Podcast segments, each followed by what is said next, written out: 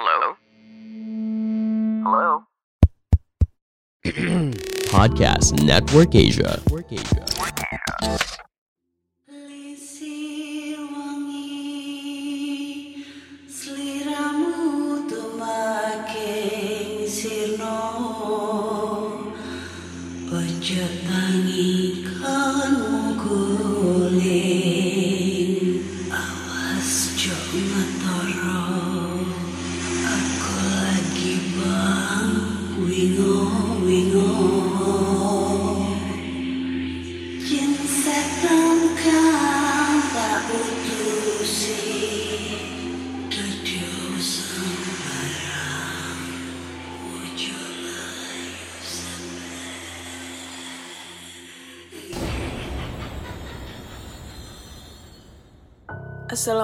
Warahmatullahi wabarakatuh. Selamat datang di podcast kisah horor.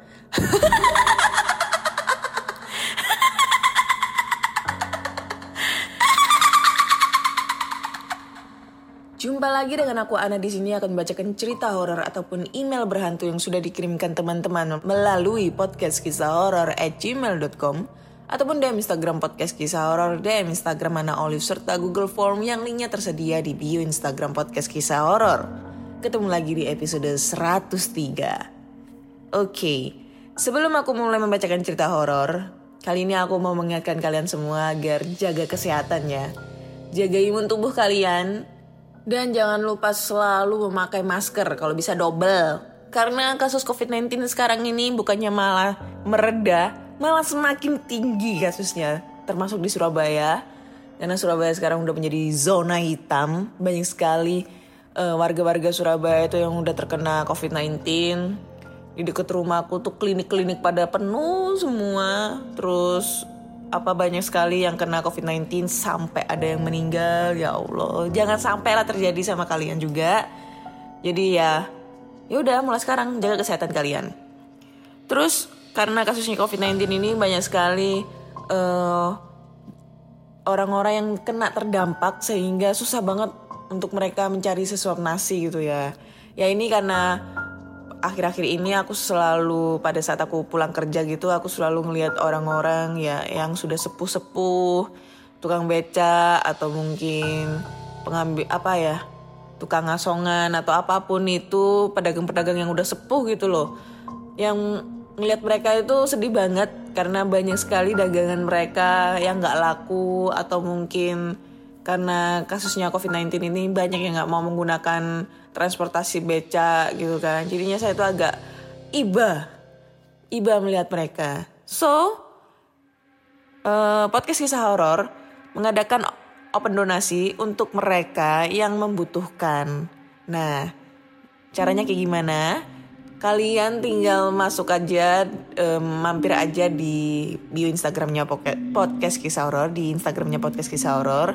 Nah di bio instagramnya itu ada link tree kalian tinggal klik aja link tree-nya tersebut. Nanti di situ tersedia link yang menuju website untuk donasi. Donasinya berapa ke Ana? Terserah kalian seikhlas kalian. 10 ribu ndak apa-apa 15 ribu ndak apa-apa ya kan? Seikhlasnya kalian. Nah donasi yang udah terkumpul nanti bakal akan dibelikan sembako untuk mereka yang membutuhkan. Atau mungkin di hari Jumat tertentu akan kita adakan Jumat Barokah untuk bagi-bagi eh, makanan untuk mereka semua gitu kan. Nanti setiap kegiatan nanti aku akan eh, share kegiatan aku eh, berdonasi dari uang kalian untuk orang-orang yang membutuhkan. Oke? Ya itulah pokoknya. Semoga menjadi suatu apa ya suatu apa ya kalau ngomong ya. Ya suatu menjadi menjadi apa ya jembatan kalian untuk beribadah lah ibaratnya kayak gitu. Membantu sesama ya kan? Gitu deh. Aduh mohon maaf ya akhir-akhir ini aku agak bingung agak belibet agak stres karena masih shock banget banyak banget orang terdekatku yang meninggal ada juga yang terkena virus COVID-19 jadi agak sedikit eh, kepikiran dengan orang-orang di rumah juga orang tuaku termasuk orang tuaku jadi Mohon maaf kalau di episode kali ini agak kurang fokus untuk ngebacain ceritanya. Oke? Okay? Oke. Okay. Dan kita langsung aja masuk ke cerita horor ya, horor pertama dan datangnya dari email. Langsung aja kita bacakan. Assalamualaikum warahmatullahi wabarakatuh. Halo Kak Ana. Halo podcast kisah horor. Halo pendengar podcast horor. Masih ingat aku kak? Kali ini aku mengirim cerita keempat kalinya. Begini ceritanya. Pada waktu aku duduk di bangku sekolah SMA, tepatnya pada tahun 2009, di sekolah aku mengadakan kegiatan ekstrakurikuler persami. Karena setiap penerima penerimaan siswa baru di sekolah wajib mengadakan persami, yaitu perkemahan Sabtu Minggu. Dan kebetulan aku sendiri menjadi kakak pembina atau senior di sekolah. Jadi aku harus membimbing adik-adik kelasku. Pada waktu Jumat siang, kita semua berangkat menuju tujuan perkemahan yang terletak di perbukitan Pegunungan Kapur Utara. Setelah sesampainya di sana, kita diturunkan di lapangan yang terletak agak jauh dari perkampungan. Kemudian saya menyuruh adik kelas untuk mendirikan tenda. Selesai mendirikan tenda, nggak terasa hari mulai gelap. Dan saya bergegas untuk mempersiapkan kegiatan selanjutnya. Dan saya langsung berkoordinasi dengan kakak pembina lain untuk acara selanjutnya, yaitu jelajah malam dan renungan malam. Jam sudah menunjukkan pukul 9. Dan kami semua menyuruh adik kelas kita untuk tidur. Sekilas informasi ke Ana, jadi tempat acara jelajah malam ini melewati perkampungan sepi dan menanjak. Di seberangnya ada pemakaman yang sekeliling jalan masih banyak pohon jati yang tinggi, lebih tepatnya di perbukitan. Oke lanjut, di samping adik kelas kita tertidur, kita mendiskusikan tempatnya. Bro, gimana nih lokasinya? Aman gak? Buat adik-adik nanti, kataku. Kemudian temanku menjawab, menjawab, sebut saja namanya Ari. Aman, tenang, semua terkendali, jawab si Ari. Tanpa berpikir panjang lagi, jam sudah menunjukkan pukul 11 malam. Kita semua membangunkan adik-adik kelas kita. Bangun, bangun. Ayo semuanya bangun. Saya hitung mundur. Mulai 10, 9, 8, 7, 6. Semuanya kumpul di lapangan. Kebetulan malam itu habis gerimis. Jadi udara menjadi dingin ditambah suara anjing-anjing milik warga kampung pada menggonggong menambah heningnya malam. Dan waktu itu juga banyak kabut tebal menyelimuti di bawah sinar lampu penerangan jalan, menjadikan suasana semakin sunyi. Tepat pukul setengah 12 malam, saya dan kakak pembina lainnya memberangkatkan adik-adik menuju tempat untuk jelajah malam. Pada waktu acara jelajah malam dibagi menjadi empat pos. Kebetulan saya dan teman saya Ari ditugaskan menjadi menjaga pos ketiga dan kita hanya berdua. Tempat pos ketiga ini sebelahnya adalah dekat pemakaman dan tempatnya di kemiringan jalan alias menanjak. Pemberangkatan peserta pertama berjalan dengan lancar sampai pos 4. Kedua dan seterusnya juga berjalan dengan lancar.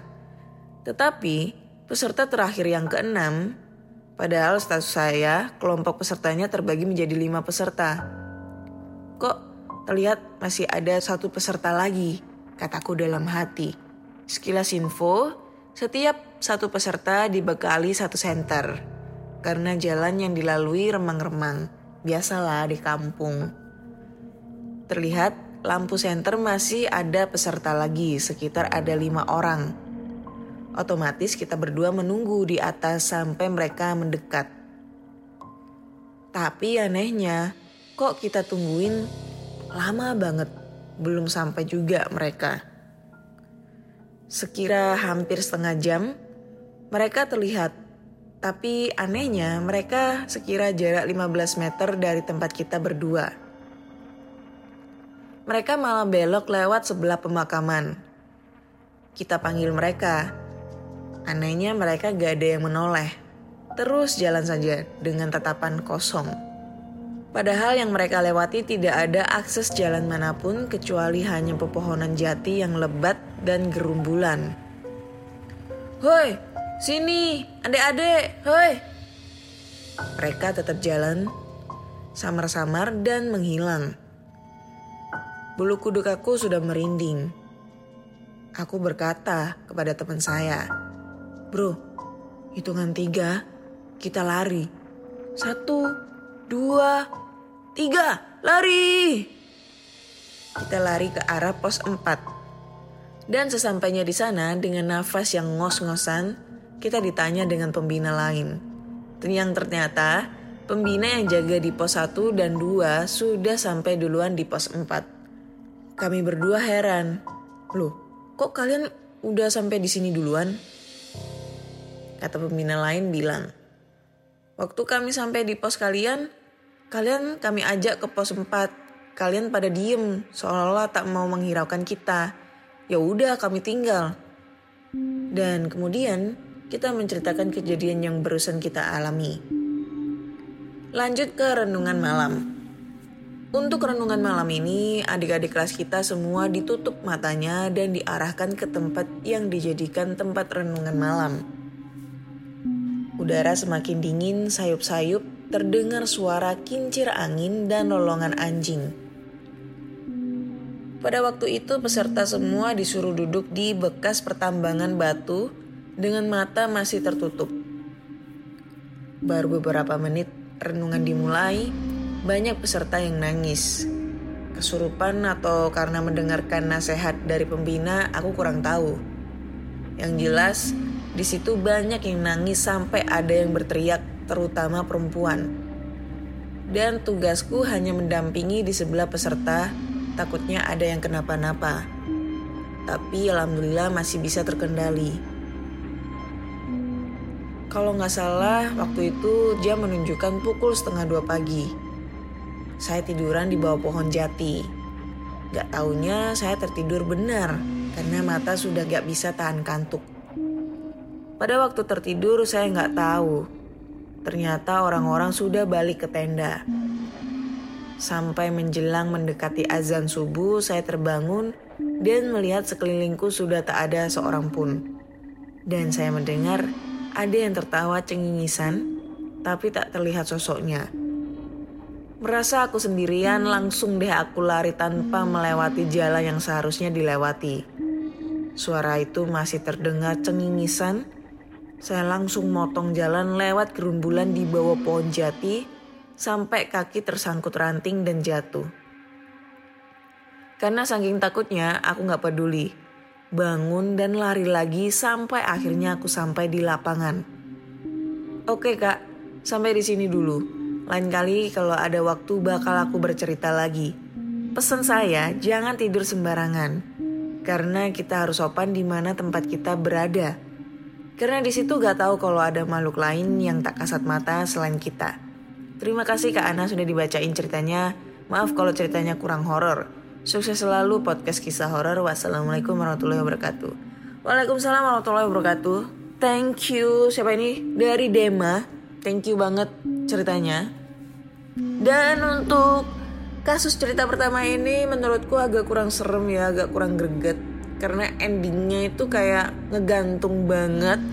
Endingnya kayak apa ya? Kayak gak nyambung gitu lah yang aku kira itu letak untuk kehororannya itu di edisi jerit malam sama renungan malam nah itu itu edisi yang menurutku tuh horor banget gitu loh tapi nggak taunya di acara renungan malam itu malah teriak-teriak mungkin karena uh, penjelasan dari kakak kelasnya ya nasihat-nasihat biasanya kan nasihatnya kayak gini dengar dek dengarkan Nasihat kakak ini Lihat orang tuamu yang sudah membesarkan kalian.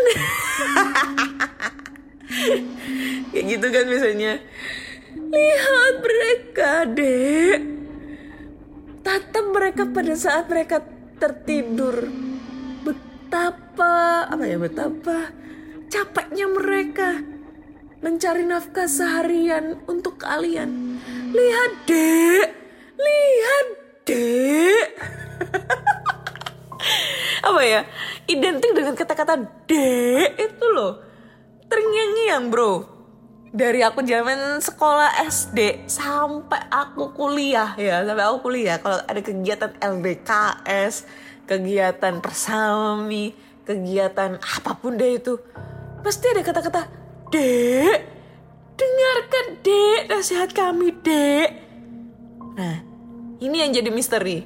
Ini kakak kelasnya itu pada ngenasehatin kita gitu loh. Ibaratnya kayak ngasih ngasih suatu renungan tentang ya susahnya orang tua cari uang apa segala macam. Tapi kakak kelasnya sendiri juga kayak gitu. Sama aja dengan kita bandelnya. Dikasih tahu orang tua bangkang. Ya itulah manusia. Sok menasehati tapi di giliran dinasehati tetap eh, nggak uh, sesuai ekspektasi gitu loh. dek, ingat dek. Goblok emang. Ya itulah tradisi ya. Tradisi kakak pembina pembina osis pembina pramuka pembina apa ospek dan segala macem. Kata-kata itu yang selalu terengyang yang di otak aku loh kalau ada kegiatan persami apa segala macam dan ya itu tadi lah kurang serem ceritanya kalau aku. Intinya itu dia tuh endingnya yang dibikin serem kalau dia tuh pas tidur di bawah pohon jati ada suara ketawa terus lari deh gitu. Kurang kurang greget. Kalau menurutku kurang. Kurang deh mah ayo tunjukkan. Kegergetan horormu itu tunjukkan. Lu udah kirim cerita empat kali masa ini kurang greget? Yang lainnya udah greget semua ceritanya. Bikin pendengar podcast kisah horor tuh kurang aduh kurang horor kak Ana. Bikin sampai kalau bisa setannya tuh datang ke kamarku kayak gitu mereka yang minta itu. Mereka minta tuh kayak gitu Siapa di sini yang suka nonton film horor? Sama nih kayak aku. Aku tuh suka banget nonton film horor, apalagi yang lagi tayang di bioskop. Tapi kadang suka kesel, giliran mau nonton, eh filmnya udah selesai. Bingung mau nonton di mana. Secara di YouTube juga nggak ada. Nah, akhirnya aku punya ide nih. Aku pakai VPN buat ngakses film horor yang nggak bisa diakses di Indonesia aku kerjasama dengan NordVPN melalui Podmetrics. Supaya kamu bisa mengalami pengalaman yang sama nih kayak aku, mereka lagi punya promo 73% untuk rencana 2 tahun plus 4 bulan gratis. Caranya gampang banget, cukup gunakan link di description podcast aku dan gunakan kode KISAH K-I-S-A-H sebelum checking out. Mereka juga menawarkan 30 hari promo garansi uang kembali.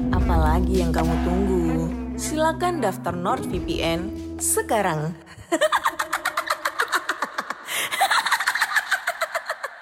Oke, lanjut ke cerita kedua dan semoga cerita kedua ini horornya greget. Langsung aja. Selamat malam Kak Ana. Kali ini aku mau bercerita. Aduh, ada suara anak kecil lagi. Anjay. Tidur deh, udah malam ini. Sore itu sebut saja namanya Dedi datang ke rumah neneknya yang sebenarnya tidak terlalu jauh dari rumahnya. Di depan pintu rumah neneknya, dia memanggil sang nenek. Mendengar suara cucunya, sang nenek segera mencari sumber suara dan setelah bertemu, dia kemudian menyuruh cucunya masuk rumah dahulu karena sebentar lagi azan maghrib. Dedi menolak masuk. Katanya dia mau beli es krim dulu dan minta uang kepada neneknya. Hmm, cucu durhaka lu ya. Mendengar permintaan cucunya, sang nenek kemudian masuk kembali ke dalam rumah untuk mengambil uang buat Dedi. Tidak sampai satu menit dia di dalam, tetapi saat keluar, si Dedi sudah tidak ada di depan pintu. Merasa aneh, sang nenek kemudian mencari Dedi di sekeliling rumah, tetapi dia tidak menemukannya. Kemudian dia beranjak ke rumah orang tua Dedi, tetapi di sana juga tidak ada. Akhirnya dia kemudian mengajak anaknya dan beberapa orang tetangga mencari Dedi di sekitar kampung. Pencarian dimulai dengan menelusuri jalan-jalan dan gang-gang serta hampir seluruh rumah tetangga ditanyai. Adakah yang melihat Dedi? Sampai akhirnya azan maghrib berkumandang. Orang tua Dedi dan neneknya semakin panik karena Dedi tidak kunjung ditemukan. Akhirnya mereka kemudian meminta tolong kepada teman-teman Dedi yang kebetulan saat itu baru pulang bermain bola juga untuk ikut mencari. Pencarian itu membuat warga kampung yang lain penasaran juga yang akhirnya bersama-sama ikut mencari Dedi yang secara ajaib dan cepat hilang tanpa bekas. Hampir satu jam kemudian, tiba-tiba salah satu paman Dedi berteriak sambil mengangkat mengangkat Dedi ke dalam gendongannya. Dia berkata menemukan Dedi di taman dekat pintu rumah sang nenek sedang tidur dengan pulas. Pencarian pun dihentikan dan semua lega Dedi sudah berhasil ditemukan. Walaupun mereka heran bagaimana caranya Dedi tiba-tiba ada di sana. Padahal sudah puluhan kali orang melewati tempat itu mencari Dedi. Setelah Dedi terbangun, orang tuanya kemudian bertanya kepadanya, ke manakah dia pergi selama maghrib itu. Dedi kemudian bercerita kalau dia diajak seseorang pergi ke suatu tempat yang jauh sesaat sebelumnya neneknya keluar mengambil uang. Dan di tempat itu, Dedi kemudian diberikan sate untuk dimakan. Dedi kemudian memakan sate tersebut dan setelah habis, dia diantar lagi ke rumah neneknya. Kemudian tidur di taman yang ada di, de di depan rumah neneknya. Walaupun merasa aneh dengan cerita Dedi, tetapi keluarga lega karena dia sudah ditemukan. Tetapi di balik itu, ternyata ada saksi mata yang melihat orang yang mengajak dan mengantar Dedi pulang. Dia adalah seorang remaja perempuan tetangga si nenek yang saat kejadian kebetulan melihat ke arah rumah si nenek. Saat ditanya siapa yang membawa Dedi, si tetangga tidak mau menceritakannya. Dia berkata takut mengingat kejadian itu lagi. Entah apa yang terjadi pada Dedi. Semenjak kejadian itu, dia menjadi anak yang pemalu. Sekolah pun dia tidak mau. Dia lebih suka berada di kamarnya seorang diri. Walaupun sempat mau sekolah sampai kelas 5 SD, akhirnya berhenti dari sekolahnya. Keluarganya tentu bingung dengan Dedi. Tetapi setiap dia mau diobati, dia selalu tahu lebih dahulu sebelum diberitahu. Dia berontak dan mengancam akan pergi lagi dari rumah, bahkan pernah mengancam mau bunuh diri. Dedi sekarang seharusnya sudah kelas 1 SMP. Tetapi dia tidak mau keluar rumah dan selalu ada di dalam kamarnya saja. Keluarganya tidak bisa berbuat apa-apa, cuma bisa berdoa agar Dedi kembali normal. Pernah sekali ditanyakan kepada Ustadz dan dikatakan bahwa Dedi sering dipengaruhi oleh penghuni pohon besar yang ada di belakang rumahnya. Dan dia juga yang membawa Dedi dahulu saat sempat hilang. Itulah cerita tentang hilangnya seorang anak. Dan ini terjadi pada tetanggaku. Semoga dia bisa kembali hidup normal dan kembali sekolah. Thank you Kak Ana sudah dibacakan ceritanya. Maaf kalau kurang serem. Oke. Okay. Thank you ya ceritanya. Yang pertama aku mau kritik adalah eh kritik enggak lah ini bukan kritik. Yang aku sampaikan adalah ya semoga lekas sembuh ya buat tetangganya si si Dedi itu supaya lekas sembuh supaya bisa normal lagi seperti sedia kala seperti anak-anak pada zaman umumnya. Dan kembali sekolah ya aduh sayang banget. Seharusnya kelas 1 SMP kalau kelas 1 SMP berarti umur 13 tahun cuy. Seharusnya. Tapi di usia segitu dia udah ya mohon maaf kayak gangguan mental. Dan katanya sih ini gangguan karena jin. Kalau aku telah ceritanya sih eh bukan telah kalau aku ngira ceritanya di awal itu aku kira tuh dia bakal dicolong dicolong lagi diculik sama bebek gombel gitu loh. Ya seperti kayak cerita-cerita sebelumnya ya di episode sebelumnya itu banyak sekali yang cerita tentang kasusnya eh, seorang anak yang diculik sama bebek gombel. Tapi kalau ini beda kasusnya. Kalau kasusnya bebek gombel itu diculik, kita nyari kelentong kelentong kelentong kelenteng kelenteng kelentong kelentong kelenteng kelenteng. Anaknya balik tapi posisinya dia dalam keadaan normal nih. Cuma mungkin dia agak linglung. Ya karena habis dimak dikasih makan-makan yang ya bukan makanan normal gitu loh. Nah bedanya dengan cerita yang sekarang ini aku bacakan adalah dia dikasih makan nggak tahu sama siapa balik-balik jadi orang linglung sampai sekarang. Nah itu juga percaya nggak percaya ya buat kalian itu udah sering terjadi. Dan kebanyakan terjadinya itu di kawasan yang sekiranya itu daerah-daerah pedesaan bukan area kota. Percaya nggak? Rata-rata itu kalau kejadian kayak gitu anak hilang atau apa pun itu mesti di area pedesaan. Area yang mungkin masih masih sunyi lah kalau malam terus atau mungkin yang masih percaya jangan keluar maghrib nanti dicolok diculik bebek gombel. Kalau anak kota zaman sekarang mau keluar maghrib mau keluar subuh mau keluar apa orang tua mah los kak rewel. Udah zaman sekarang itu beda dengan zaman dulu. Apalagi anak kota sama anak pedesaan tuh beda banget. Ya itu. Ya itulah pokoknya Jadi kalau menurutku sih cerita kedua belum greget juga gitu. Masih ini ibaratnya kalau cerita kedua itu masih mitos ya. Kita per, harus percaya dengan mitos atau mungkin percaya dengan urban legend yang ada di desa atau apa mungkin yang di kampung atau di mana gitulah. Atau mungkin urban legend dari orang tua. Tapi ini terjadi beneran, Bro. Ini ceritanya kan mungkin baru-baru ini gitu loh. Oke, okay, thank you untuk ceritanya. Next, kita lanjut ke cerita terakhir ya. Cerita terakhir. Ini dia. Oke, okay, judulnya adalah Sosok Mengerikan di Ambulans.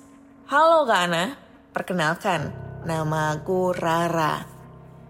Gue tinggal di Surabaya. Anjir lah. Kon yo. Oh, rep di Surabaya gak usah gua kue gua kue anjir ketikanmu ngilu aku mau coy. Orang yang Surabaya pada pada arek Surabaya gak usah ngomong gua gue gua gue.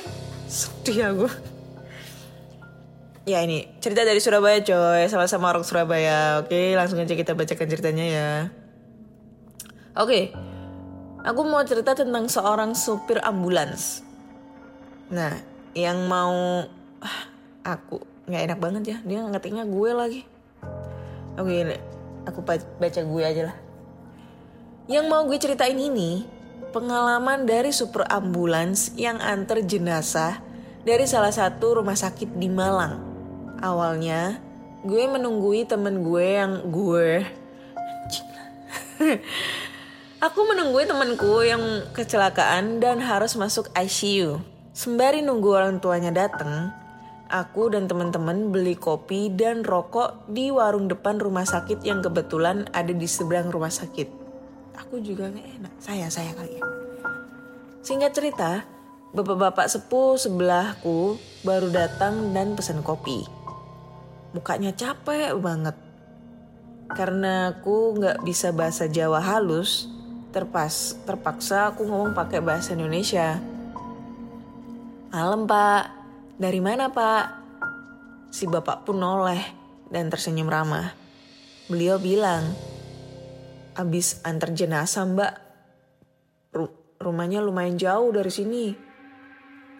Sontak aku diem. Bapak nggak takut antar jenazah? Takut. Sudah tahunan mbak, saya jadi supir ambulans yang antar jenazah di sini. Sembari si bapak nyeruput kopinya. Beberapa minggu lalu sempat ada kejadian, Mbak.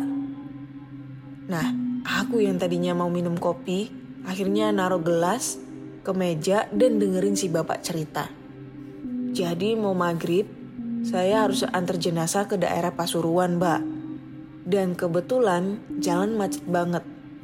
Jadi mau gak mau kudu sabar apalagi antar jenazah. Perjalanan Malang Pasuruan harusnya cuma satu jam. Tapi ini bisa jadi 4 jam lebih karena ada truk yang terbalik. Saya berdua aja sama teman saya mbak. Akhirnya begitu jenazah sampai di rumah duka, saya balik ke Malang untuk antar mobil ambulans. Kalau nggak salah, jam 1, jam 1 malam saya dari rumah duka sampai di daerah Lawang, sampai di daerah Lawang. Tiba-tiba pintu belakang digedor-gedor. Akhirnya saya minggir. Begitu dibuka pintunya, nggak ada siapa-siapa mbak. Akhirnya saya jalan lagi. Karena emang udah capek banget. Begitu sampai di rumah sakit, mobil langsung saya masukkan di garasi. Dan saya pulang. Besoknya saya kan tugas lagi. Nah, karena mobil masih ada bekas tetesan darah, mau ndak mau saya harus nyuci. Pas saya nyuci, si bapak nyalain rokoknya dan tarik nafas panjang.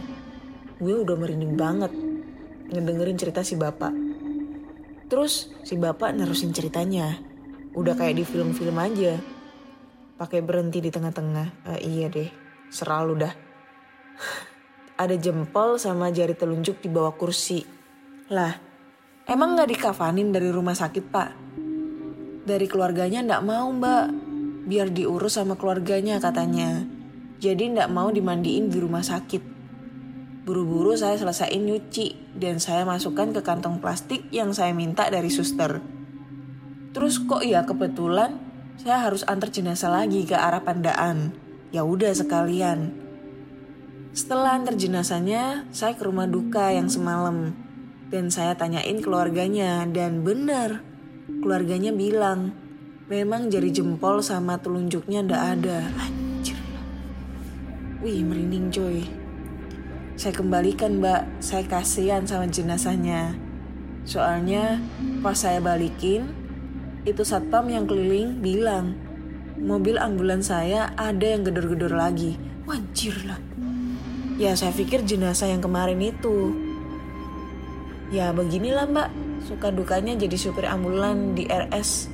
Mau ndak mau harus bertanggung jawab, apalagi udah disumpah. Oh udah disumpah ya kalau nganter jenazah. Walah pak, terus bapak ndak ngeri gitu kalau tiba-tiba ada yang nebeng? Kataku sambil membentuk tanda petik pakai jari. Sudah biasa seperti itu mbak. Hahaha. Kadang mereka cuma minta tolong kalau ada yang mungkin ketinggalan. Kalau bisa dibantu, kalau enggak ya didoakan aja. Sudah ya mbak, saya mau pulang dulu. Assalamualaikum. Ya pak, hati-hati pak. Waalaikumsalam. Sontak mataku langsung menyusuri garasi-garasi ambulans di parkir dan gak lama di salah satu ambulans ada cewek pucat dan darah di mana-mana. Gue cuma diem dan balik ke ruang tunggu UGD tanpa ngomong sama siap sama teman-teman gue yang bengong. Thanks Kak Ana, udah dibacakan ceritaku. Mohon maaf kalau ceritanya belibet. Oke, okay, thank you Rara untuk ceritanya. Ya itulah ya, suka duga menjadi supir ambulans, supir ambulans. Gue kok merasa kayak Dennis ya, cadel ngomongnya, nggak bisa ngomong R itu. Ya itulah suka dukanya menjadi supir ambulans kita nggak tahu ya bakal ada kejadian apa dan uh, ya itu tadi kayak kalau misalnya ada uh, korban kecelakaan terus salah satu anggota tubuhnya hilang belum ditemukan pasti bakal neror orang-orang terdek orang-orang yang udah nemuin jenazahnya. Apalagi yang nganterin jenazahnya. Dan kebetulan sih emang posisi jari jempol sama jari-jarinya itu di mobil jenazah ketinggalan gitu loh. Dan menurutku ini kayaknya mobil eh mobil kasus kecelakaan gitu. Jadi ya itu tadi lah banyak sekali anggota anggota badan itu yang apa putus atau semacam semacamnya lah. Dan ini tuh termasuk kasus yang pernah kayaknya aku udah pernah cerita deh. Kalau dulu itu gak salah behel, kalau ini baru-baru ini oh belum belum jadi baru-baru ini kasus beberapa bulan yang lalu sekitar bulan dua apa bulan tiga gitu Nah ceritanya eh, tetangganya temanku itu barusan meninggal gitu sekitar bulan 2 atau 3 tahun ini gitu kan. Nah meninggalnya itu karena kasus kecelakaan di sekitar Surabaya juga. Nah kecelakaannya itu di daerah Kaliana kalau nggak salah Kaliana apa Margomulyo gitu loh. Nah di lokasi tersebut itu emang rawan kecelakaan cuy. Kalau kalian orang Surabaya pasti tahu lah area area sana ya karena di sana itu sering um, banyak apa itu sering lewatnya truk-truk tergandeng trailer atau semacamnya dan sering banyak terjadi laka lantas di sana kan. Nah kebetulan tetangganya itu tetangga temanku itu uh, habis kecelakaan di sana dan posisinya meninggal seketika di sana karena kelindas truk gitu. Karena kelindas truk pas posisinya jenazahnya itu dibawa pulang karena memang langsung eh, dari rumah sakit terus habis itu dibawa pulang dan pihak rumah sakit itu bilang ke orang tuanya ke orang tua si si korban ini karena memang posisi karena anaknya ini yang kecelakaan ini masih muda banget lah sekitar umur 27 26 lah. Posisinya itu habis pulang kerja. Cewek juga ini. Uh, pihak rumah sakit itu ngabarin ke orang tuanya kalau salah satu anggota tubuhnya itu nggak ada gitu. Terus dicari-cari sama supir ambulansnya. Benar supir ambulansnya ternyata udah ketemu. Nah jadi eh, kondisinya itu salah tangannya itu kan putus tuh. Di dijahit gitu disambung. Tapi untungnya nggak sampai kayak apa kalau kelindas truk itu kan kayak kegencet itu kayak aduh ada itu kayak usus atau apa terurai gitu. Tapi untungnya enggak gitu cuma dia tuh kelindasnya tuh tangan dan tangannya tuh putus. Terus akhirnya dibawa lah ini jenazahnya pulang ke rumah. Terus dimandikan lagi kemudian disolatin terus dimakamkan. Nah pada saat pemakaman selesai malamnya pas waktu tahlilan itu ibunya itu dimimpiin. Kan posisinya ibunya itu kan lagi shock gitu kan lagi shock terus tidur. Tidur terus dimimpiin anaknya. Nah anaknya itu kayak minta tolong. Tapi itu nggak jelas minta tolongnya itu apa gitu loh. Maksudnya minta tolong karena apa gitu. Jadi cuma bilang cuma bilang katanya ini kata teman gue ya cerita bu tolong bu. Bu tolong. Itu dalam mimpi. Tapi kayak berasa real banget. Ibunya bangun. Terus ya mungkin karena lagi kalut lagi sedih jadi gak mikir apa-apa. Udah tuh. Di hari keduanya ibunya itu dimimpiin lagi. Bu tolong. Bu tolong udah ya. Nah itu mikir masih mikir mikirnya tuh masih bukan pertanda apa apa masih mikirnya ini mungkin uh, apa ya mungkin karena ibunya kepikiran anaknya udah nggak ada jadinya kepikiran terus. Di hari ketiganya nih ibunya itu dimimpiin lagi. Bu tolong bu bu tolong. Nah itu pas mimpinya itu pas siang waktu ibunya tidur siang gitu loh karena badannya kecapean katanya habis. Ya karena kondisi covid juga jadi banyak-banyak istirahat jadi orangnya tidur.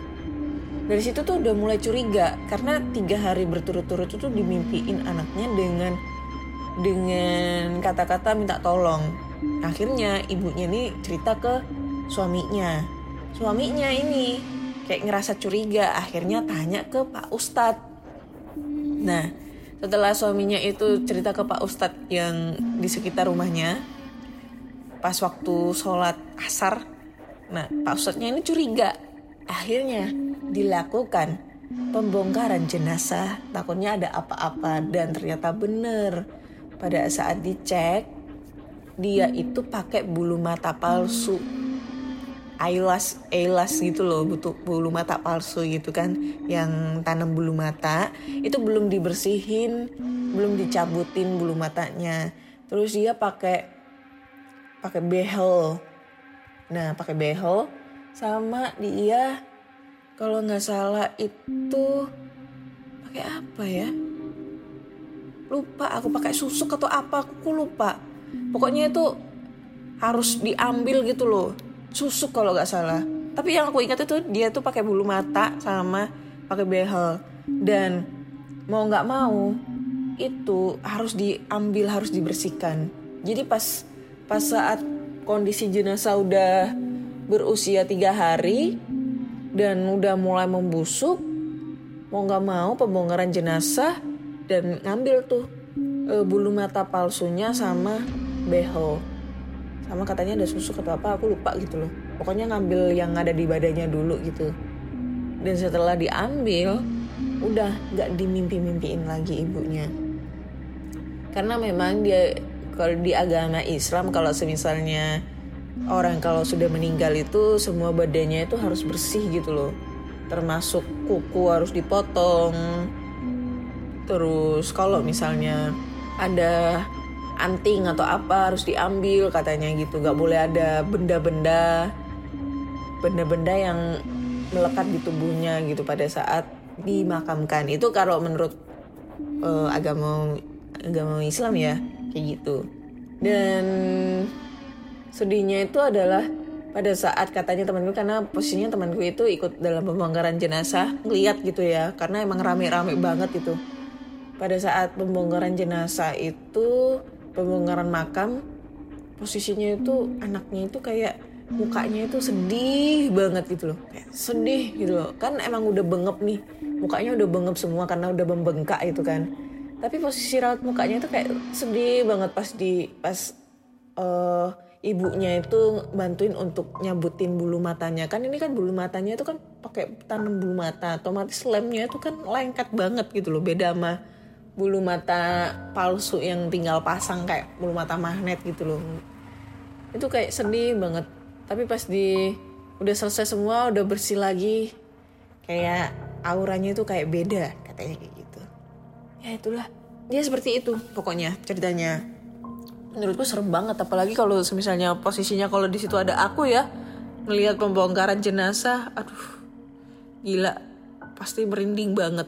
Merinding anjir lah itulah pokoknya so Terima kasih buat teman-teman semua yang udah mendengarkan podcast kisah horor di episode 103. Jangan lupa buat kalian semua yang yang mempunyai cerita horor entah itu pengalaman sendiri, kakak, ibu, ayah, adik, kakek, nenek atau siapa pun itu juga, kalian bisa kirim cerita kalian ke podcast kisah horor at gmail.com atau DM Instagram di podcast kisah horor, DM Instagram Ana Olive serta Google Form yang linknya tersedia di bio Instagram podcast kisah horor. Jangan lupa follow Instagram podcast kisah horor dan Follow juga podcast kisah horor di Spotify agar kalian selalu update cerita-cerita horor terbaru. Dan sebelumnya aku mau minta maaf jika di episode 103 ini pembacaan atau pembawaannya agar agak kurang greget ya buat kalian. So aku minta maaf banget. Dan pasti di episode berikutnya aku akan memperbaiki jauh lebih baik lagi. Oke? Okay? Akhir kata, saya Ana. Terima kasih sudah mendengarkan podcast kisah horor. Pandangan dan opini yang disampaikan oleh kreator podcast, host, dan tamu tidak mencerminkan kebijakan resmi dan bagian dari podcast Network Asia. Setiap konten yang disampaikan mereka di dalam podcast adalah opini mereka sendiri dan tidak bermaksud untuk merugikan agama, grup etnik, perkumpulan, organisasi, perusahaan, perorangan, atau siapa pun dan apa pun.